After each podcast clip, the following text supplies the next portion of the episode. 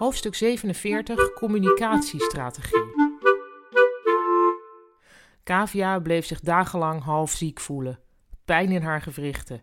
Pijn als ze naar fel licht keek. Pijn als Ruud hard dag rakkers riep. Ze besloot haar malaise te verzachten met chocola en nam brownies mee naar kantoor. Glutenvrij, dat klonk gezond. Ruud had er snel één weggekauwd en met volle mond gezegd: Lekker, nu moet ik naar het moederconcern voor een strategy analysis. Stella wilde geen brownie, ook niet toen Kavia had gezegd dat het gezond was. Dus deze middag had ze een browniefeestje in de pantry met Roy en Kim.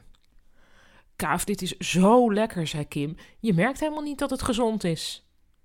Roy vertelde over zijn huisgenoot die een nieuwe vriend had en voortdurend seks had, heel hard en lang. Ik word er depressief van, kun je je voorstellen? vroeg Roy.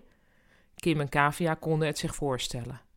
S'nachts word ik er zelfs wakker van, maar als ik op de muur ga kloppen, voel ik me zo frustro.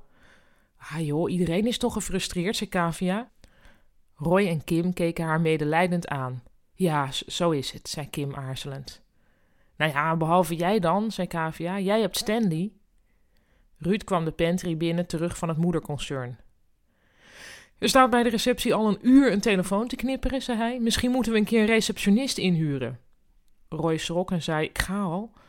Toen Roy weg was, zei Ruud: Zo, en dan nu wij, dames. Lekker met z'n drietjes in de pantry. Hij lachte. Wij gaan ook weer eens aan de slag, zei Kavia. Kom je, Kim?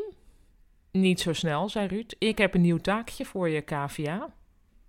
Oh, zei Kavia.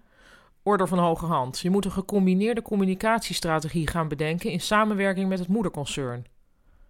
Goh, zei Kavia, en wat moet ik me daar precies bij voorstellen?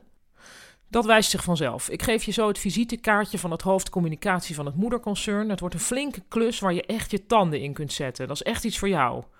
Ruud liep weg. Alsof we niet al genoeg te doen hebben, zei Kavia tegen Kim.